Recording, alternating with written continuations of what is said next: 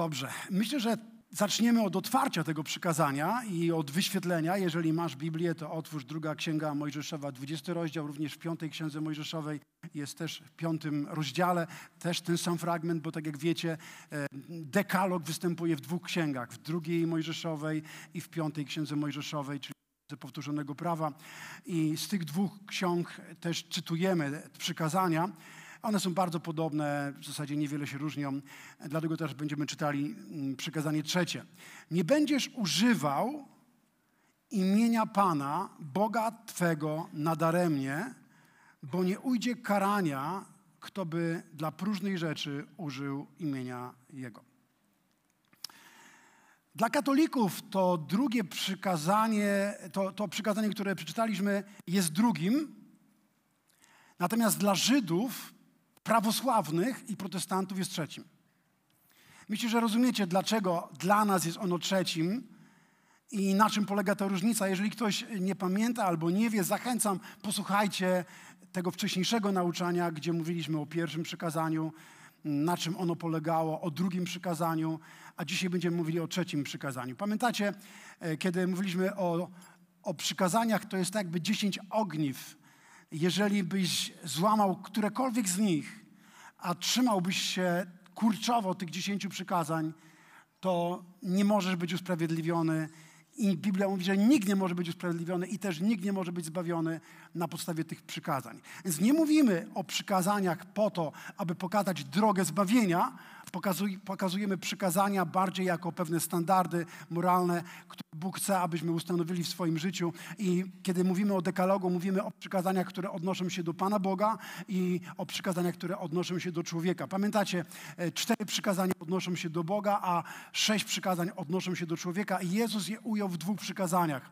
Powiedział, że e, pierwsze przykazanie to będziesz miłował Pana Boga z całego serca, z całej swojej duszy i z całej swojej siły, a drugie przykazanie to będziesz miłował bliźniego swego jak siebie samego. A więc te dziesięć przykazań można ująć w dwóch przykazaniach, a wszystkie przykazania można ująć w miłości. Kiedy kochasz Boga, to wypełniasz, wypełniasz wszystkie przykazania.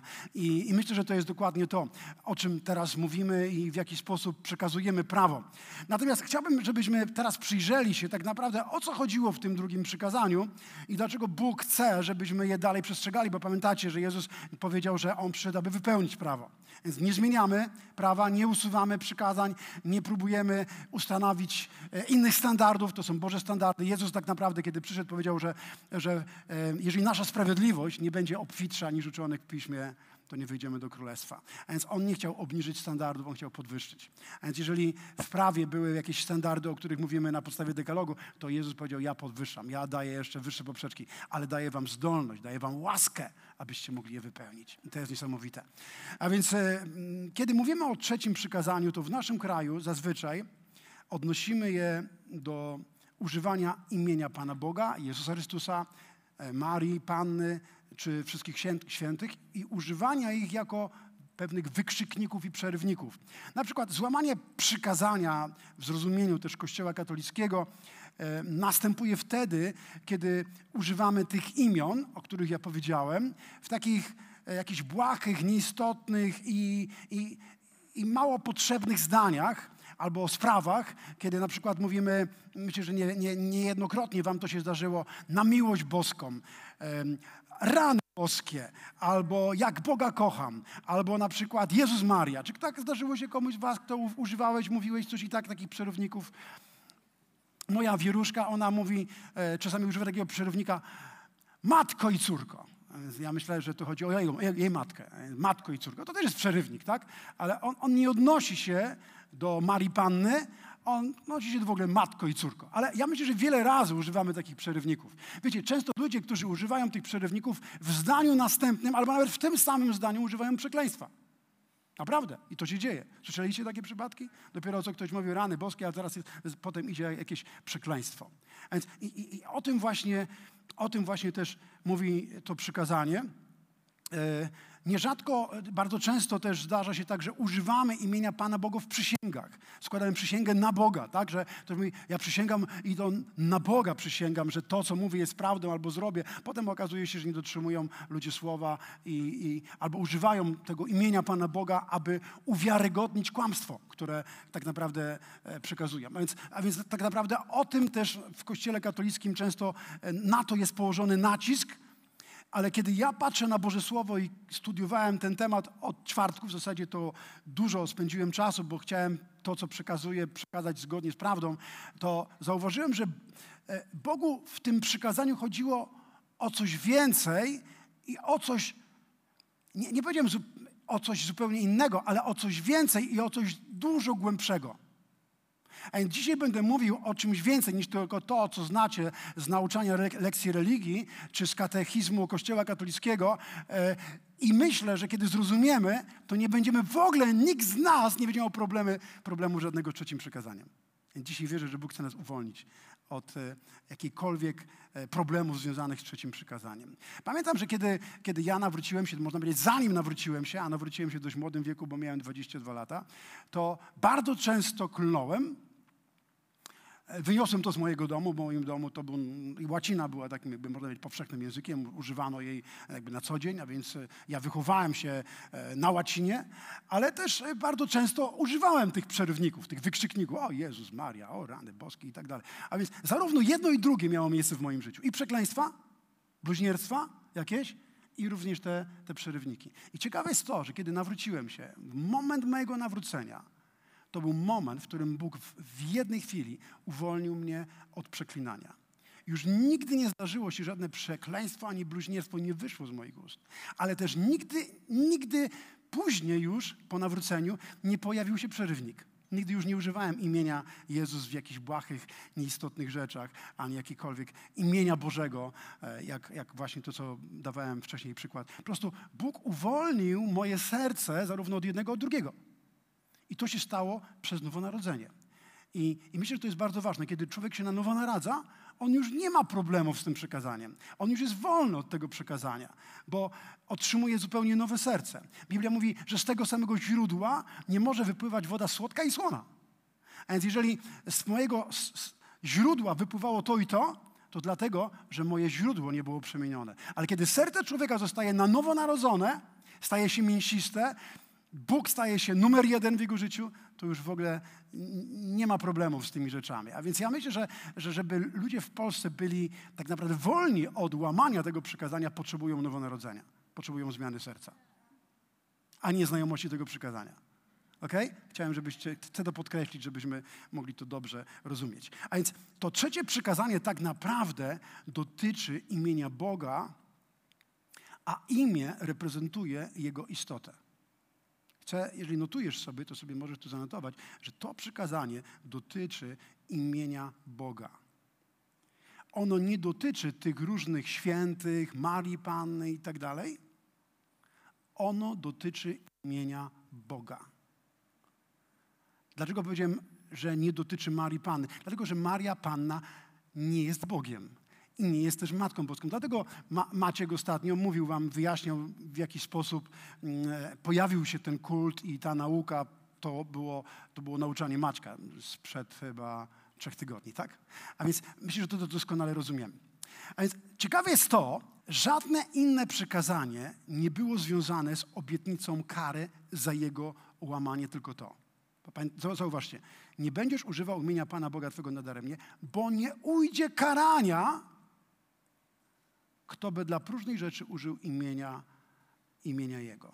I możecie zobaczyć cały wykaz dziesięciu przykazań i nigdzie tam nie ma żadnego odniesienia do karania. Nie ma żadnego takiego ostrzeżenia przed karą, jak złamiemy to przykazanie. Ale w trzecim przykazaniu Bóg mówi, nie ujdzie kary ten, który go łamie. Czyli Bóg nadał pewną bardzo ważną wartość temu przykazaniu. I myślę, że za chwileczkę zrozumiecie, dlaczego akurat Bóg odniósł karanie do tego przykazania, a nie do innych. Zwróciliście na to uwagę, że to przykazanie związane jest z karaniem? Okej, okay, cieszę się, że wszyscy na to zwróciliście uwagę. I teraz, kiedy kiedy patrzymy na to, pyta- na to przykazanie i, i patrzymy w kontekście karania, to pytanie jest takie, dlaczego Bóg zapowiada karę przy dokładnie tym przykazaniu? I tutaj możemy zwrócić uwagę na to, co było zadaniem Izraela, kiedy Bóg go powołał jako naród wybrany. Jaki był jego cel, kiedy Bóg go powołał jako naród wybrany i dał im te wszystkie przykazania. Kiedy Bóg go powołał, to powiedział, że ten naród będzie narodem królewskim, narodem kapłańskim. To znaczy, to będzie naród, który będzie reprezentował Boga dla innych narodów. To będzie naród, który będzie niósł poznanie Boga dla innych narodów. I ciekawe jest to, że apostoł Paweł na przykład w liście do Rzymian 2,42, e, możesz sobie to zapisać w domu, sobie cały ten fragment przeczytać, on mówi do Żydów, z waszej to bowiem przyczyny poganie bluźnią imieniu Boga. Mocne, co? Z waszej to przyczyny, on do Żydów mówi, wymienia tam wiele różnych rzeczy, które oni, e, w których oni łamali przykazaniach Boże i mówi, to właśnie dlatego poganie, którzy nie znają Boga, bluźnią Bogu i odwracają się od Niego. A więc jeśli oni używali imienia Bożego nadaremnie albo powoływali się na Boga, przyznawali się do Boga, mówili, że Bóg i HWH, ja tak powiem, zaraz potem będę wyjaśniał tetragram, że jest ich Bogiem, to wtedy oni stawali się jakby takimi reprezentantami Boga. I widzisz, Bóg jeżeli oni używali Jego imienia, a ich życie było niewłaściwe, nie tylko to, że używali go niewłaściwie, ale ich życie było niewłaściwe. Oni używali bez wiary to, tego imienia. To wtedy Bóg nie mógł stanąć ze swoim imieniem, aby działać w nich, aby działać dla nich i aby działać przez nich i aby objawiać się światu. Dlatego Bóg mówi, to jest tak bardzo ważne, abyś, abyś pamiętał, że kiedy używasz imienia Boga i przyznajesz się do Boga, modlisz się do Boga, to pamiętaj, że za tym musi iść również Twoje życie, które jest zgodne z tym, w jaki sposób Bóg chce, abyś żył. A więc jeśli wzywam imienia Pana, a kradnę, to wzywam imienia Pana nadaremnie. Jeśli wzywam imienia Pana, a na przykład kłamie i, i tak po prostu kręcę w swoim życiu, wiecie, co mam na myśli, ściemniam, o to jest dobre określenie, ściemniam, to tak naprawdę wzywam imienia Pana Boga nadaremnie. Jeśli wzywam imienia Pana Boga, a składam obietnice, składam przysięgi, ale nie dotrzymuję tych przysiąg, to wtedy wzywam imienia Pana Boga nadaremnie. Jeżeli e, wzywam imienia Pana, a wykonuję swoją pracę niedbale, nierzetelnie, byle jak, to wzywam imienia Pana Boga nadaremnie. Jeżeli wzywam imienia Pana, a cudzołożę, albo zgodnie z tym, co powiedział Jezus, patrzę na kobiety porządliwie, wtedy nie było jeszcze pornografii w tym wymiarze, jaka jest dzisiaj, tylko ja mówię o patrzeniu na kobiety porządliwie, to wzywam imienia Pana Boga nadaremnie. Okay? Więc ja trochę rozszerzam to, o czym, o czym mówi to przykazanie, bo w kontekście nauki katolickiej to są cztery rzeczy wymienione. Bluźnierstwa, przekleństwa, krzywoprzysięstwo i używanie przerywników i wykrzykników. Te cztery rzeczy. Ale myślę, że o coś więcej zupełnie Bogu chodziło. O istotę Boga, o reprezentowanie Boga, że kiedy wzywam imienie, imienia Pana, a moje życie nie reprezentuje we właściwy sposób Boga, to ja wtedy wzywam Jego imienia nadaremnie. Amen? Zgodzisz się ze mną? Niektórzy z Was nie jesteście przekonani, ale spróbuję Wam to pogadać na podstawie słowa. Otwórzmy Ezechiela, 36 rozdział. To jest ciekawe miejsce. Ezechiel, 36 rozdział i będziemy czytali od 20 wersetu. Wiecie, zanim pójdziemy do Ezechiela, pomyślcie teraz. Jeśli człowiekowi zależy na swoim dobrym imieniu, to o ileż bardziej Bogu powinno zależeć na swoim dobrym imieniu. Czy komuś z Was zależy na Twoim dobrym imieniu? Wśród pracowników, znajomych, sąsiadów. Każdemu z nas powinno zależeć. I teraz, jeżeli my jesteśmy stworzeni na podobieństwo i obraz Boga, a jest w nas takie, taka troska, taka ochrona naszego dobrego imienia, to o ileż bardziej Bóg jest zazdrosny o swoje imię i Jemu zależy na Jego dobrym imieniu. I teraz to, w jaki sposób Izrael żył jako naród, to to, pokazywało i wpływało na to, jak ludzie patrzyli na Boga. To, jak my żyjemy na tym świecie, w tym katolickim kraju, to wpływa na to, jak ludzie patrzą na Boga, czy mu będą bluźnili, czy będą święcili Jego imię, czy może będą znieważali Jego imię i będą odwracali się od Niego. Zobaczcie, jak to bardzo ważne jest. Ok? Rozumiecie mnie? To jest bardzo ważne. I teraz popatrzcie, Ezechiel, 36 rozdział, to jest ciekawe miejsce. Bóg mówi do Izraela przez Ezechiela takie słowa. Lecz gdziekolwiek przybyli Izraelici do narodów, plamili moje święte imię, bo mówiono o nich, niby to lud Pana, a jednak stracił swój kraj. Dlaczego oni stracili swój kraj? Z powodu Bożego gniewu i kary za łamanie przykazań. Oni łamali przykazania, wszystkie jak leci po kolei, a mieli ich dużo więcej niż tylko 10, 613. I z tego powodu Bóg ich rozproszył i rozesłał po różnych narodach. I teraz gdziekolwiek oni przybyli, to oni wnosili to, co było w nich z sobą do miejsca, w którym byli. Czasami tak się mówi, że o, jakbym był w innym miejscu, no to bym wtedy inaczej funkcjonował. Nie, dlatego, że to, jak jesteś, jest w tobie. I to, gdzie idziesz, niesiesz to z sobą. Miejsce, które jesteś, nie zmieni wcale tego, co jest w tobie. Jedynie Bóg może zmienić to, co jest w środku w tobie. I kiedy Bóg mnie zmienia, to gdzie ja wchodzę, to wnoszę to, co jest we mnie. Jeżeli więc my powiemy ludziom, takie i takie przykazania macie, ale nie, nie będzie zmiany wewnątrz, to oni nie są w stanie w żaden sposób wypełnić tych przykazań. Czyli ta zmiana musi nastąpić w nich. I teraz, kiedy Bóg mówi o nich, to gdziekolwiek szliście, to kalaliście moje imię. Dlaczego? Bo to było w nich. I popatrzcie dalej, popatrzcie dalej. E, werset 21. I żal mi było z powodu mojego świętego imienia. Bóg nie mówi, że żal mi było, żałowałem albo byłem zasmucony, byłem zraniony z powodu tego, że Izrael był rozproszony i źle o nim mówiono. Nie, Bóg mówi z powodu mojego imienia. Ok, rozumiecie, co chcę powiedzieć? Bóg mówi, było mi żal mojego imienia, bo umieściłem to imię w nich. I Bóg mówi, i było mi żal z powodu mojego świętego imienia, które plamił dom Izraela wśród narodów, do których przybył. 22 werset. Dlatego powiedział domowi Izraela, tak mówi wszechmocny Pan. Dlatego powiedz, przepraszam, dlatego powiedz domowi Izraela, tak mówi wszechmocny Pan. Ja działam nie ze względu na was, domu Izraela, lecz ze względu na moje święte imię. Spramiliście je wśród narodów, do których przybyliście. Dlatego uświęcę moje wielkie imię, splamione pośród narodów, by, bo splamiliście je pośród nich. Narody przekonają się, że ja jestem Pan, oświadcza wszechmogący Pan, gdy na ich oczach okaże się święty wśród was. Czy wiecie, o czym mówi tutaj Bóg przez Ezechiela? Że uświęci swoje imię? Mówi o nadejściu Jezusa. Mówi, że, że dam wam oczyszczenie i zobaczcie, werset następny mówi: I pokropię was czystą wodą. Staniecie się czyści od wszystkich waszych nieczystości. W jaki sposób oni stali się czyści? Biblia mówi: Jednego dnia oczyszczę z grzechu, usprawiedliwię ten naród i całe, wszystkie narody ziemi. To stało się przez Chrystusa Jezusa. Jednego dnia Bóg mówi: Oczyszczę, uświęcę. I kiedy, kiedy Jezus przyszedł, on uświęcił imię swego Ojca. Gdziekolwiek był, on uświęcał imię swojego Ojca.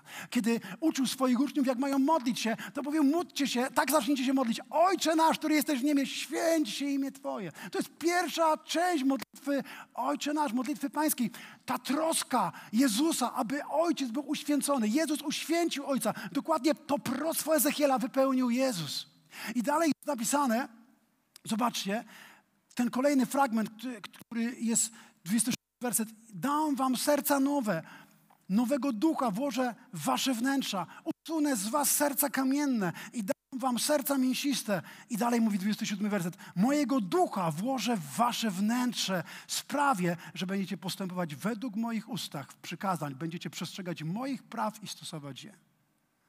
Więc Bóg mówi tutaj, że ze względu na swoje imię pośle swojego Syna, On oczyści ich z ich grzechów a potem da im nowe serca, usunie serca kamienne, da im nowego ducha. Odrodzenie następuje wtedy, kiedy przyjmujesz Jezusa jako Zbawiciela. I Bóg potem mówi do ich odrodzonego ducha, dam mojego ducha. To jest niesamowite. Wow, mojego ducha. Bóg mówi nie tylko, że odrodzi naszego ducha, który był umarły przez upadki grzechy, ale do tego naszego ducha da mojego ducha. Bóg mówi, to będzie mój duch. Halo, posłuchajcie, czy ktoś z was jest ochrzczony Duchem Świętym? Przyjąłeś Ducha Świętego? Bóg mówi, to jest mój duch. To jest mój duch. To, że jesteś w stanie wypełniać przykazania, to jest nie dlatego, że jesteś tak dobry i jesteś zdyscyplinowany i potrafisz kontrolować samego siebie, ale Bóg mówi: Dam ci mojego ducha i mój duch sprawi, że będziesz żył w wolności od prawa i wypełnisz wszystkie przykazania.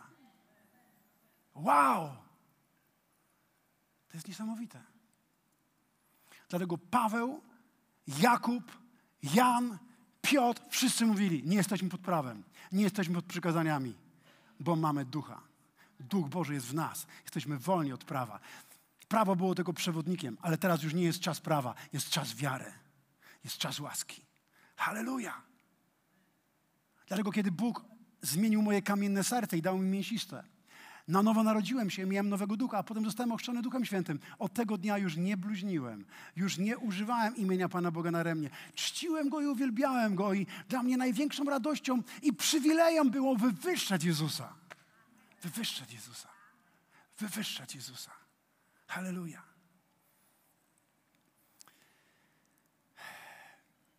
A więc pytanie, które chcę Wam dzisiaj zadać. O używanie jakiego imienia chodziło Bogu w tym przykazaniu? Bo tak jak powiedziałem, jest tyle różnego zamieszania w nauczaniu Kościoła katolickiego. Na przykład Maria Panna, a również święci są zaliczeni do kategorii nie będziesz nadużywał imienia Pana Boga nadaremnie. Co to w ogóle ma wspólnego? Popatrzmy, o co chodziło Bogu. Otworzymy sobie teraz razem e, drugą księgę Mojżeszową, czyli księgę wyjścia. W miejscu, w którym Bóg objawia swoje imię. Myślę, że to jest bardzo ciekawe. E, tak jak wiecie, Bóg powołał, Bóg powołał Mojżesza, aby wyprowadził Izrael z Egiptu. Mojżesz był przybranym synem faraona. Potem, tak jak wiecie, uciekł na pustynię i przez 40 lat był na pustyni. I w pewnym momencie, kiedy pasał owce, był koło góry Choreb, inaczej mówiąc Synaj. Z czym wam się ko kojarzy góra Choreb, góra Synaj? Na której Bóg dał 10 przykazań. I tam nagle zobaczył drzewo, które paliło się i się nie spalało. Mówi, co za dziwne zjawisko. I to go przyciągnęło do tego drzewa. Coś wam powiem. To był cud, że drzewo paliło się i się nie spalało. Kiedy patrzę na Boże działanie, gdy widzę, że Bóg chce coś zrobić, On zaczyna prowadzić Kościół do miejsca cudów, w którym On może objawić swoje cuda. Tak jak On musiał znaleźć człowieka, w którym objawił ten cud i przez którego objawiał dalej cuda, tak dzisiaj również szuka ludzi, przez których objawi swoje cuda. Nic nie przyciągnie tego narodu do Chrystusa, jak tylko cuda. I Bóg jest Bogiem cudów i się nigdy nie zmienił.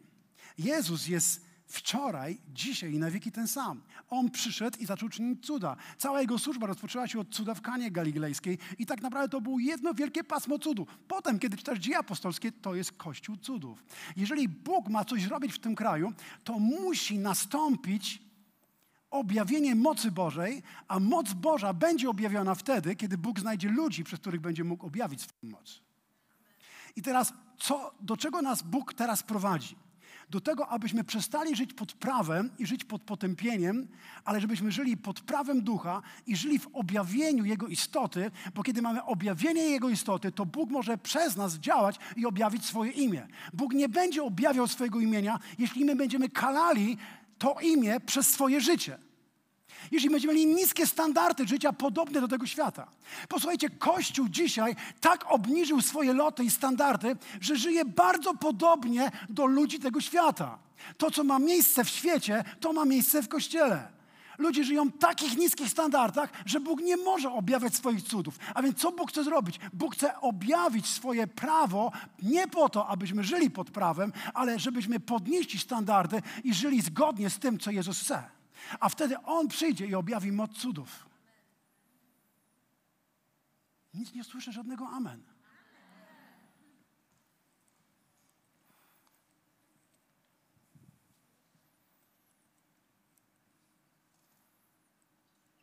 Zazwyczaj chcemy słyszeć to, co, jak to Biblia mówi, ucho łezce.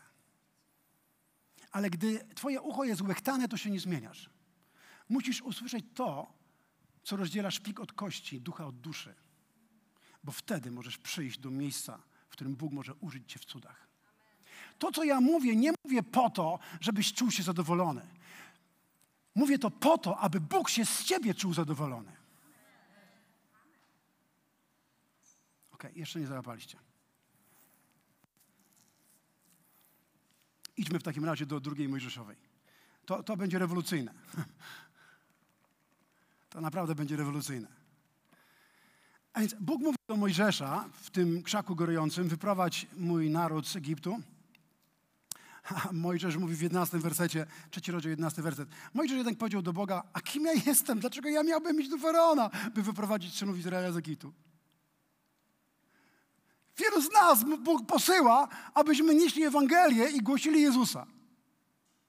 Biblia mówi, jak mają wzywać imię Pańskiego, jeśli Go nie znają? A, kto, a kiedy będą wzywali? Kiedy uwierzą? A kiedy uwierzą? Kiedy ktoś pójdzie i będzie im mówił o Jezusie.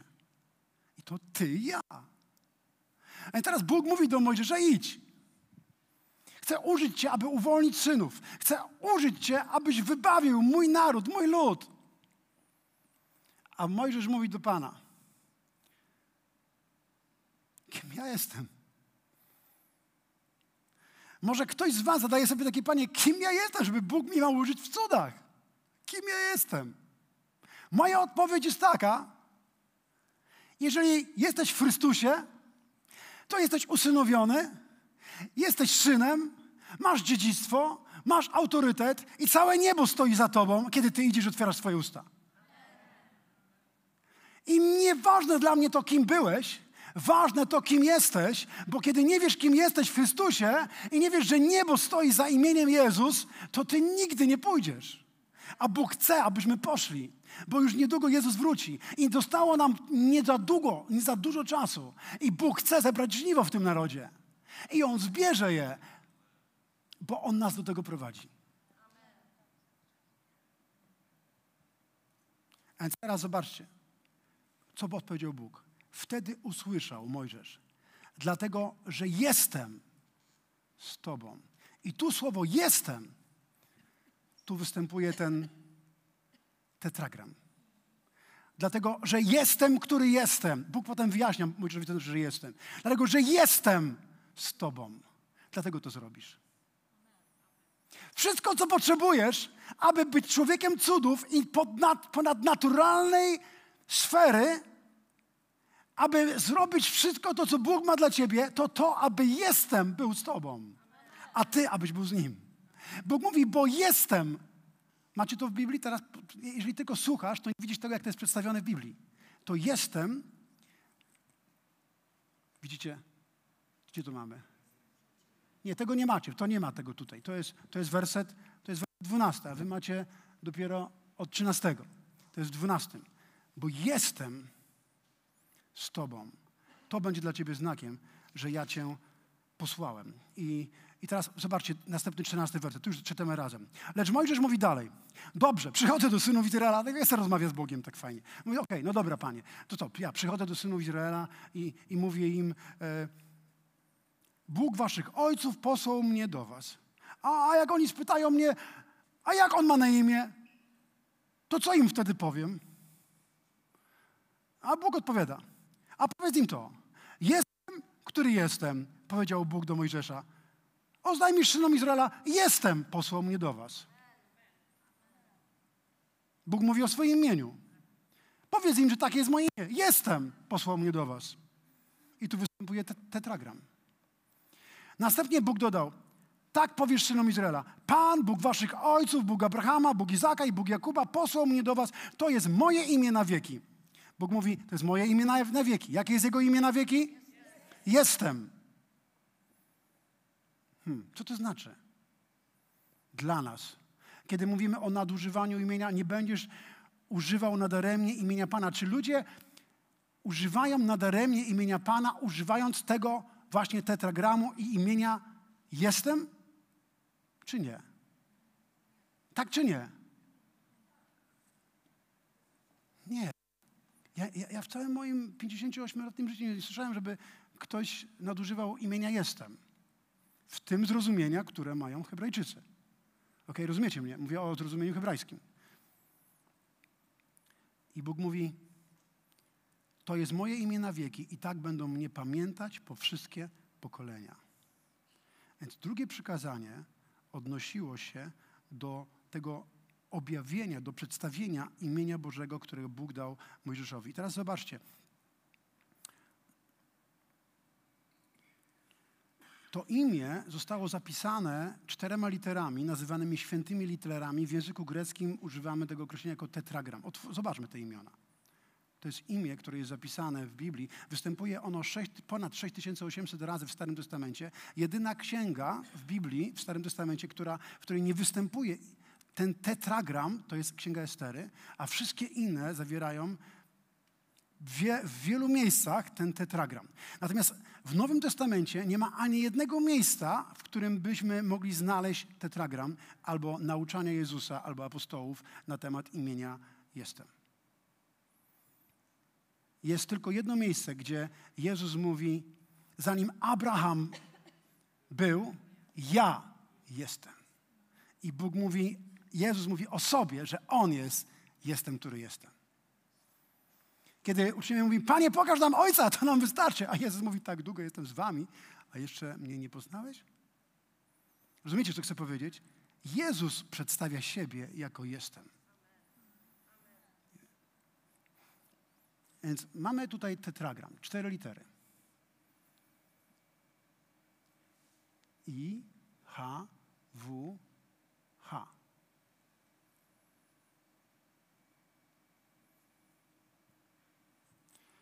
To jest tetragram, który,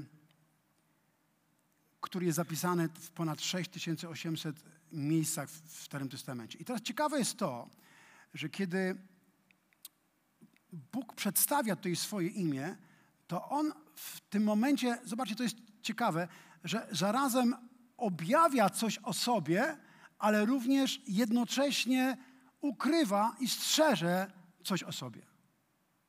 W tym imieniu jest zarazem objawienie, jak i tajemnica. Jest pewna prawda, objawienie, jak i jest coś, co jest skrywane. I to słowo jestem, który jestem, jest tłumaczone echje, asher, echje. I to jest ciekawe, że jest one użyte w czasie przyszłym. W takim czasie jakby przyszłym, ale niedokonanym, który trwa cały czas.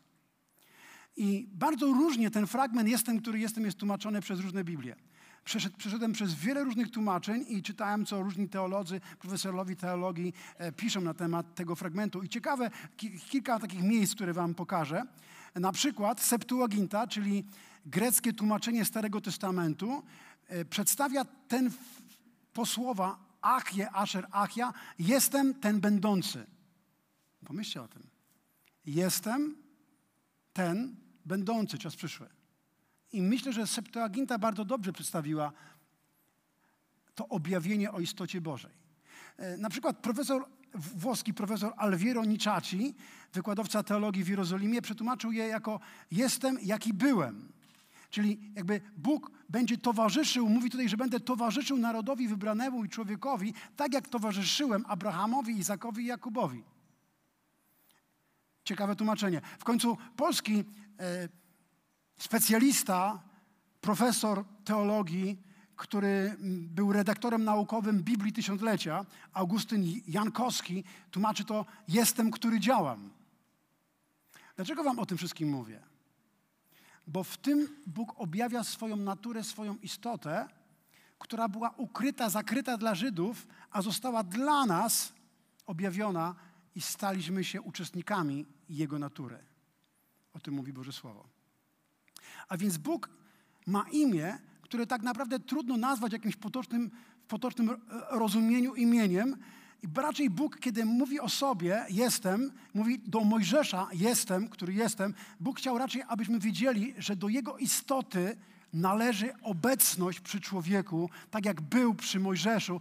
Mówi, ja będę przy Tobie. On będzie obecny w życiu tych, którzy wyznają Go, którzy w Niego wierzą. To należy do Jego istoty. Obecność, bycie w Twoim życiu. I to jest niesamowite. Gdziekolwiek idziesz, tam wiesz, że On jest z Tobą. on nie ukrywa się tylko na Jasnej Górze, ani na, e, nie ukrywa się, bo już nie ma świątyni jerozolimskiej, bo kiedyś mówili tak, myśleli, że to najświętsze miejsce, gdzie Bóg tam jest w najświętszym miejscu. Nie. On jest w tym, który wyznaje Jego imię. On jest z Nim. On stoi za Nim. I kiedy używa imienia Boga, to całe niebo stoi ze swoją mocą za tym imieniem. Wow. To jest niesamowite.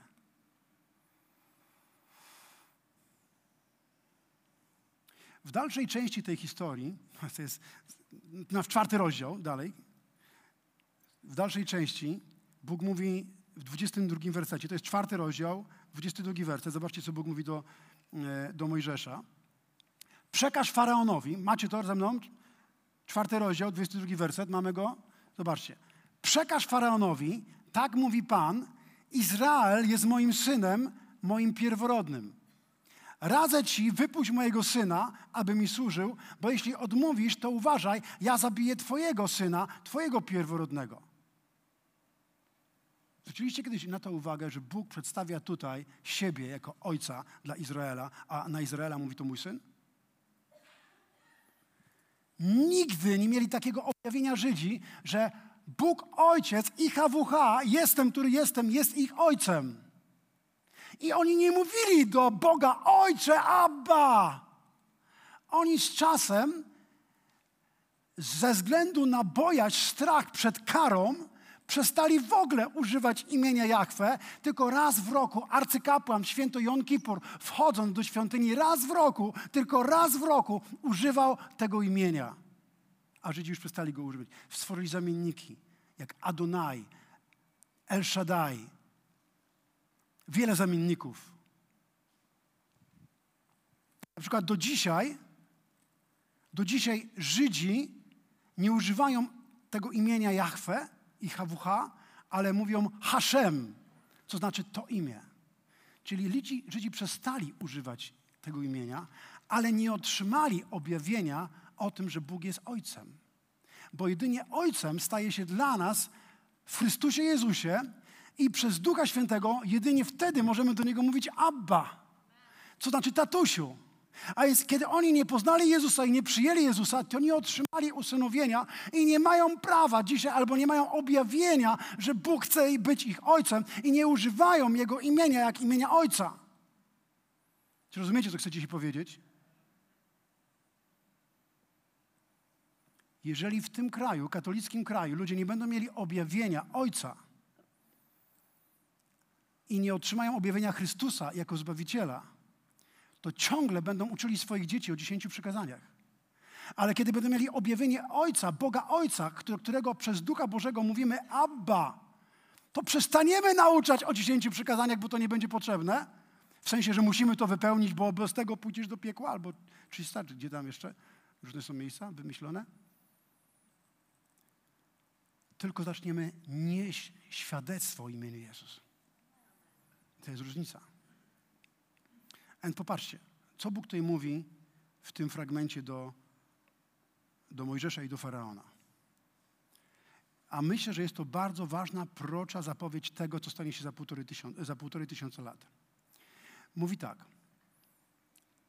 Tak mówi Pan, Izrael jest moim synem, mówiłem wam, to jest moim pierwszym, wypuść mojego syna, aby mi służył, bo jeśli odmówisz, to ja, co zrobię? Zabiję twojego pierworodnego syna. I teraz zobaczcie, faraon jest, on reprezentował władcę tego świata, tamtego ówczesnego świata starożytnego. Dzisiaj faraon, możemy powiedzieć, że reprezentuje diabła szatana. Dlatego, że Jezus powiedział o nim, że on jest księciem tego świata. On jest władcą tego świata. A więc Jezus daje jakieś, w pewnym sensie taką proroczą zapowiedź i mówi tak, że jestem, który jestem, nakaże diabłu, tak jak kiedyś nakazał faraonowi, aby wypuścił jego syna, i czym jest jego syn? To jest jego kościół. Jest eklezja. I kiedy mówię kościół, eklezja, to nie mam na myśli tej czy innej denominacji, bo Jezus nie przyszedł, żeby założyć denominację i nie przyszedł, żeby założył denominację rzymskokatolicką. Nigdy to nie było Bożym planem. On chciał mieć tutaj na ziemi tylko swojego syna. Halo. Czy nie dobrze byłoby to w ogóle udostępniać, tak żeby ludzie w Polsce trochę zrozumieli, o co chodzi w tych wszystkich przykazaniach? Bo kiedy poznajemy prawdę, to prawda nas uwalnia. Halo. I teraz popatrzcie. Bóg mówi, tak jak zabiję Twojego do faraona, tak jak ja zabiję Twojego pierworodnego syna, aby wypuścił mego syna, tak w przyszłości zostanie zabity mój pierworodny syn, aby władca tego świata wypuścił moich synów, aby mi służyli. Bo Bóg mówi do faraona: wypuść, aby mój lud poszedł na pustynię i mi służył. I Bóg mówi: tak ja powiem któregoś dnia do faraona tego świata, do władcy tego świata.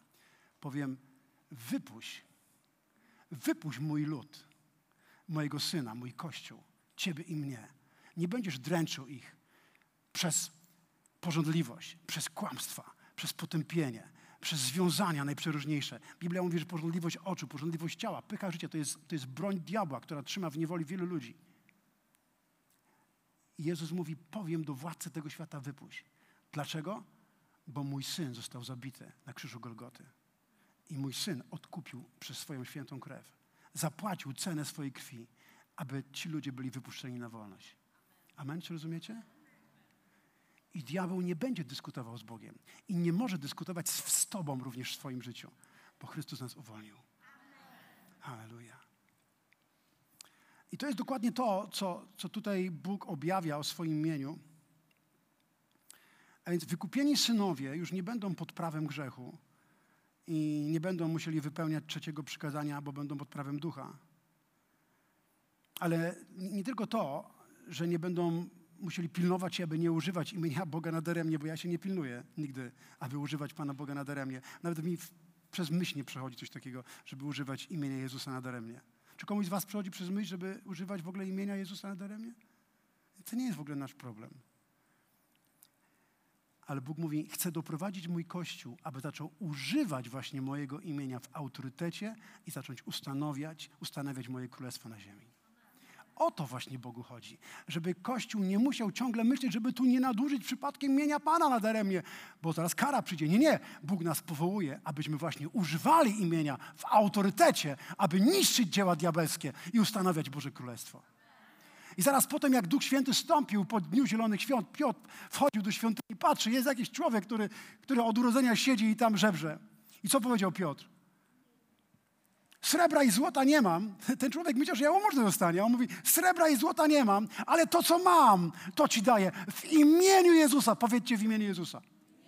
W imieniu Jezusa wstań i chodź. Dlaczego on użył tego imienia? Bo on wiedział, że to imię, które Bóg mu dał, to jest imię, do którego ma prawo i w tym imieniu jest autorytet, w tym imieniu jest boc i Bóg powołał go, aby on używał tego imienia i dlatego powiedział do chorego wstań, bo on wierzył w to, że w imieniu Jezus, w imieniu Jehoszua, bo nie myślę, że on powiedział po grecku, on raczej powiedział po hebrajsku, w imieniu Jehoszua wstań i chodź, bo on już cię zbawił i nie musisz być tutaj trzymany przez diabła w niewoli. Dlatego użył autorytetu i moc Boża, moc nieba stanęła za imieniem Jezus. I ten człowiek wstał. Czytamy w Biblii, że któregoś dnia dowiedzieli się w Efezie synowie arcykapłana z Sewasa, że, że demony są wyrzucane w imieniu Jezusa, którego głosi Paweł. A więc tych siedmiu synów, pomyślałem, musimy używać tego imienia. Musimy używać tego imienia, bo to jest skuteczne. To imię jest skuteczne. To imię działa. Wiecie, posłuchajcie, imię Jezus jest skuteczne. Jest wczoraj, dzisiaj i na wieki takie samo. Ono nie zmieniło swojej mocy, bo ono miało moc w czasie, kiedy, kiedy Bóg wyprowadzał Izraela, bo jestem, który jest jestem, to Chrystus Jezus. To jest ten, który wyprowadził Izraela z Egiptu i rozdzielił Morze Czerwone. W tym imieniu jest potężna moc. Moc, która ma moc rozdzielić Morze Czerwone, która ma moc przenieść góry. W tym imieniu jest moc, która może zmienić ten kraj. W tym imieniu jest moc, która może zmienić Twoje życie. W tym imieniu jest moc, która może Cię uwolnić od pornografii. W tym imieniu jest moc, która może Cię uwolnić od nieprzebaczenia. W tym imieniu jest moc, która może ocalić Twoje małżeństwo.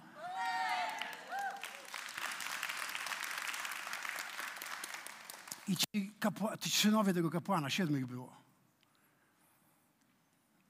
któregoś dnia zobaczyli opętanego i powiedzieli w imieniu Jezusa, którego głosi Paweł, zaklinamy was, demony, wyjdźcie z tego człowieka. Wiecie, co te demony zrobiły? Tak się dobrały im do skóry. Ten człowiek opętany pod mocą demonów pobił tych synów i oni poranieni, nazy, uciekali przed tym człowiekiem. I wiecie, co jeszcze powiedzieli im? Powiedzieli tak. Jezusa znamy i wiemy, kim jest Paweł. Ale wy, to coś wy za jedni, jakieś ludki dziwne, krasnoludki. Kim wy jesteście? Kim wy jesteście?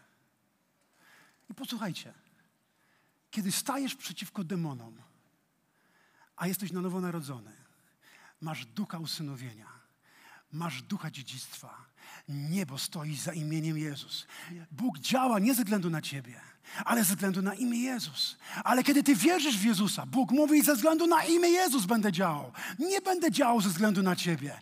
Chociaż to też jest ważne, bo jesteś naczyniem. Ale Bóg mówi, jeżeli tylko żyjesz z moim synem, jeżeli żyjesz zgodnie z tym, co Jezus przykazał, jeśli kochasz mojego syna, to ja stanę za moim synem, za tym imieniem, którym ci dałem. I każdy demon musi odejść, choroba musi odejść. Nie, nie, nie może zatrzymać się, bo Jezus na krzyżu Golgoty uwolnił nas to się dokonało. Kiedy Jezus umierał na krzyżu Golgoty, ostatnie Jego słowo wykonało się.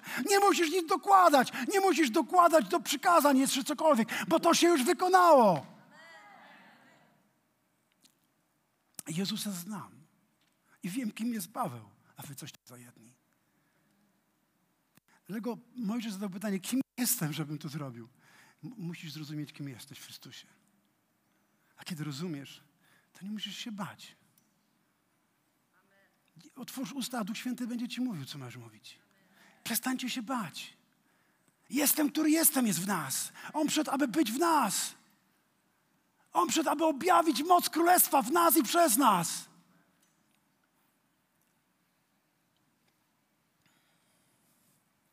Opowiem o Smithie Wigglesworthie i to będzie już taka końcówka. Hallelujah.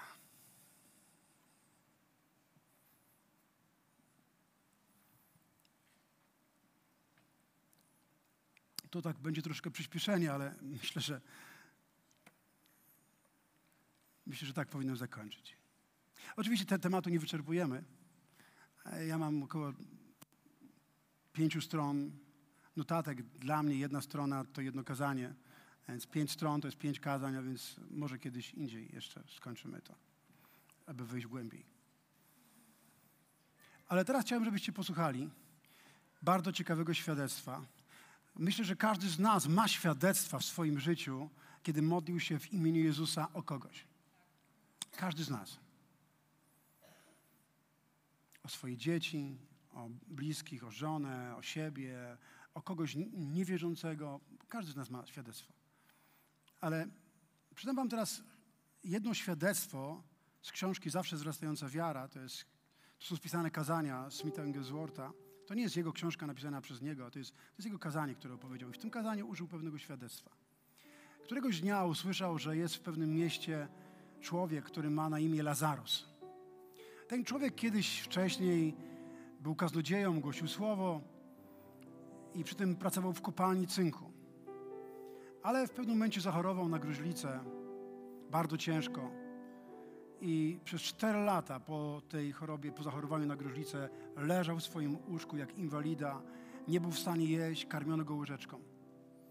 I pewni młodzi ludzie byli na jednym e, z kampanii ewangelizacyjnych Smitha i powiedzieli, gdybyś przybył do Lazarusu i modliłbyś do Lazarusa i modlił się o niego, to na pewno Bóg by go podniósł z jego łoża boleści. I Smith Wigglesworth postanowił pojechać tam do tego miasta, bo modlił się i Bóg powiedział mu jedź. I kiedy przyjechał do tego miasta, przyszedł do pewnego człowieka i powiedział o tym, że przyjechał, żeby modlić się o Lazarusa.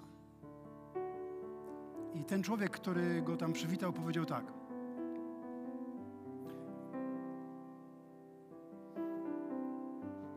Czy myślisz, że w to uwierzymy, że Bóg ci tu posłał?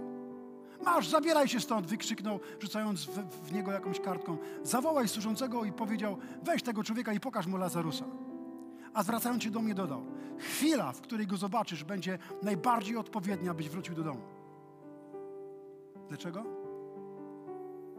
Bo Lazarus był już w agonii i to była skóra i kości.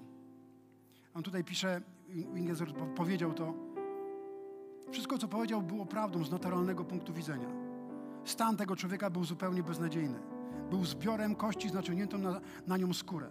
Wyglądał jak bez życia Wszystko w nim mówiło, że są to już ostatnie jego chwile. I wtedy Smith Wigglesworth nie pomodlił się o niego. On widział, że on nie ma żadnej wiary. Wrócił do hotelu i powiedział: Muszę znaleźć siedmiu ludzi, którzy ze mną, z nim, czyli w sumie razem siedem z nim, czyli jeszcze sześć, którzy z nim pójdą i będą się za niego wstawiali i modlili w imieniu Jezusa. I znalazł takie osoby. Powiedział im, że Bóg mu powiedział, że ma modlić się Lazarusa, żeby oni przyszli z nim się modlić. I posłuchajcie, co, co powiedział tym ludziom, jak mają się modlić. Dla mnie to jest bardzo zachęcające. Powiedział tak.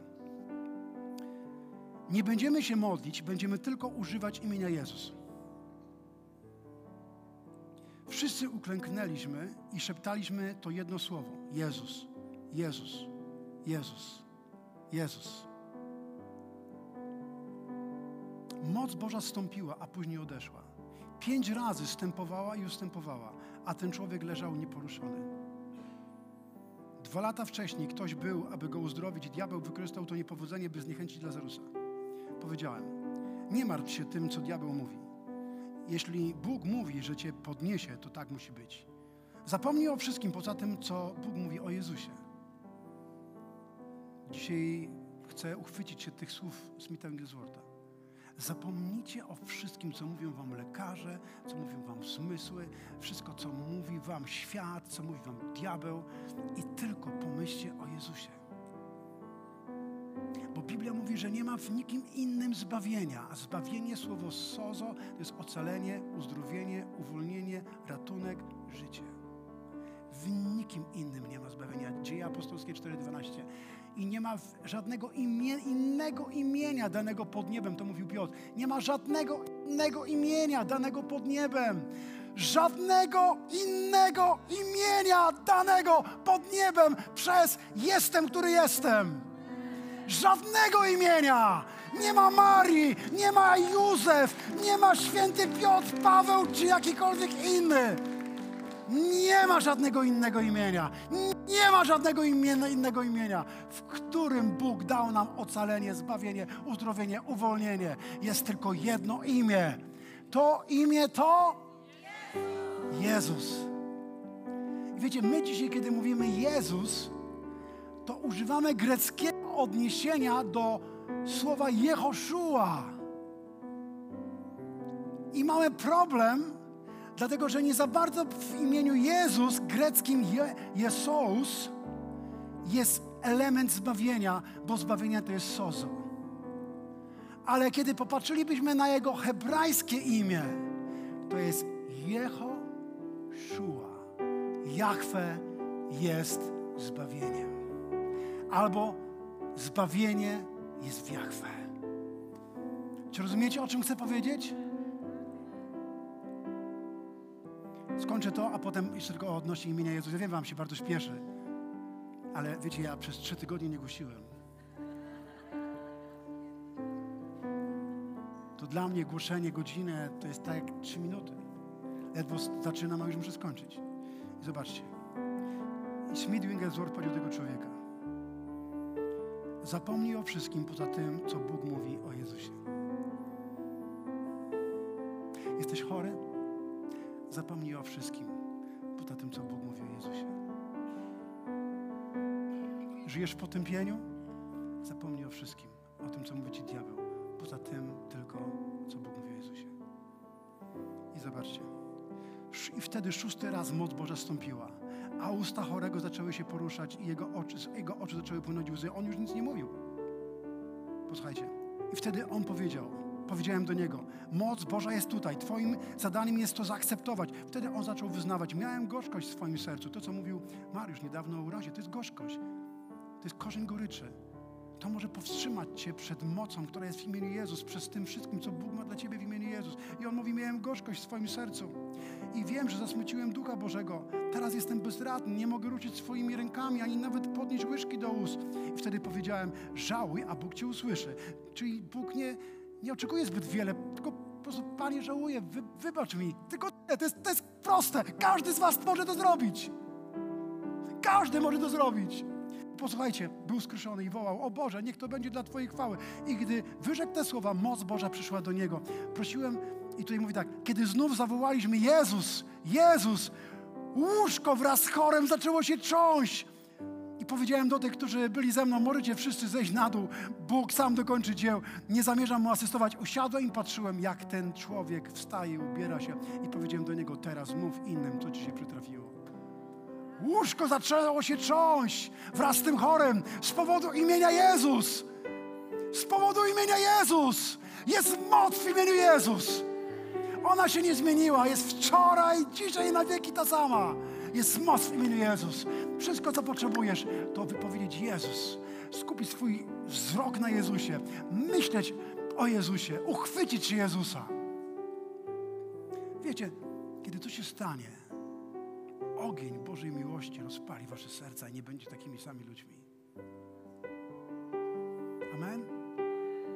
A teraz tylko to, co zacząłem mówić o imieniu Jezus. Chciałem, żebyśmy wyświetlili to słowo Jezus po hebrajsku, Jezus po Jezus po grecku. Bo możliwe, że dla niektórych z Was to będzie ciekawe i może nigdy tak nie patrzyliście na imię Jezus. Pamiętacie, kiedy miał urodzić się Jan, anioł przyszedł do Elżbiety i Zachariasza i mówi, urodzicie, po, poczniesz i będziecie mieli syna. Oni byli staruszkami. I będziecie mieli syna i nadacie mu imię Jan. I dalej tam mówił o tym, jaka będzie misja Jana. Znacie to z Biblii, Ewangelii Łukasza? Czy wiecie, co znaczy słowo Jan? Jan miał poprzedzić, poprzedzić Jezusa i zapowiedzieć Jezusa. Bóg nie chciał, żeby go nazwali jakkolwiek inaczej, tylko Jan. Dacie mu imię Jan. Bóg w bardzo świadomy sposób, celowy, nadał imię Janowi Chrzcicielowi bo on miał misję, a z tą misją związane było imię. Można powiedzieć w Izraelu imię było związane z przeznaczeniem i z misją. Jak masz na imię? Dlaczego ci rodzice dali tak na imię, jak masz? Zazwyczaj dlatego, że po prostu podobało im się to imię. Niektórzy nadają imiona z seriali brazylijskich, bo podobała im się taka postać serialu brazylijskiego, ale nie tak było w Izraelu. Niektórzy z tradycji ale to anioł powiedział, jak ma być jego imię. A jego imię znaczy Bóg jest łaskawy. I powiedział, ty przyjdziesz i zapowiesz, będziesz zapowiedzią łaskawości Boga. I kiedy potem miał urodzić się Jezus, znów anioł przychodzi do Józefa i posłuchajcie, Mateusz 1,21 i anioł mówi do Józefa, nadasz mu imię Jezus, albowiem On zbawi swój lud od jego grzechów. I tutaj, kiedy my czytamy naszą Biblię, czytamy Jezus, a w Grece jest Jezus, czyli Je Jezus. To, to jest z, z greki po prostu spolszczone imię Jezus. Ale w oryginale jest słowo Jehoszua. Józef był Żydem i anioł przyszedł i powiedział mu o jego żydowskim imieniu. I powiedział, nadacie mu imię Jehoszua. Albowiem, dlaczego mu nadacie? Ponieważ, bo jest tutaj pewna przyczyna, dla której nadacie mu imię. Albowiem on zbawi swój lud od jego grzechów. I teraz zobaczcie, w języku greckim mamy tutaj wyświetlone te dwa imiona, po grecku i po hebrajsku. Popatrzcie, w języku greckim mamy tutaj greckie litery Jesos, od nich pochodzi słowo Jezus. I tutaj nie ma takiego rdzenia zbawienie, bo słowo zbawienie to jest sozo. W imieniu Jezus nie ma zbawienia, ale w imieniu Jehoszua jest Jeho, Jachwę, rdzeń od Jachwę i Szua od zbawienia, od słowa zbawienie. Dlatego słowo Jehoszua znaczy dosłownie Jachwę jest zbawieniem. Kiedy więc Smith Wigglesworth otoczył razem, on ze, ze świadomością tego, kim jest Jezus i co w nim mamy, to kiedy mówił Jehoszua, Jehoszua, Jehoszua, Jezus, Jezus, to oni w tym momencie ogłaszali zbawienie, które Bóg dał nam w Jezusie, ogłosili zbawienie, które już się dokonało. Oni ogłosili, że Bóg jest zbawieniem i że moc zbawienia teraz działa. Oni z wiarą to robili. Jezus, Jezus, ogłaszali Jezus. Wtedy łóżko się zatrząsło. Raz, drugi, trzeci, czwarty, piąty, szósty i za siódmym razem Lazarus wstał do życia. Może musieli wiele razy wypowiadać imię Jezus z wiarą. Ale kiedy to robili, niebo i Bóg stanął za imieniem Jezus i dokonał tego, co Jezus dokonał na krzyżu, kiedy powiedział: Wykonało się. Amen. Wstańmy.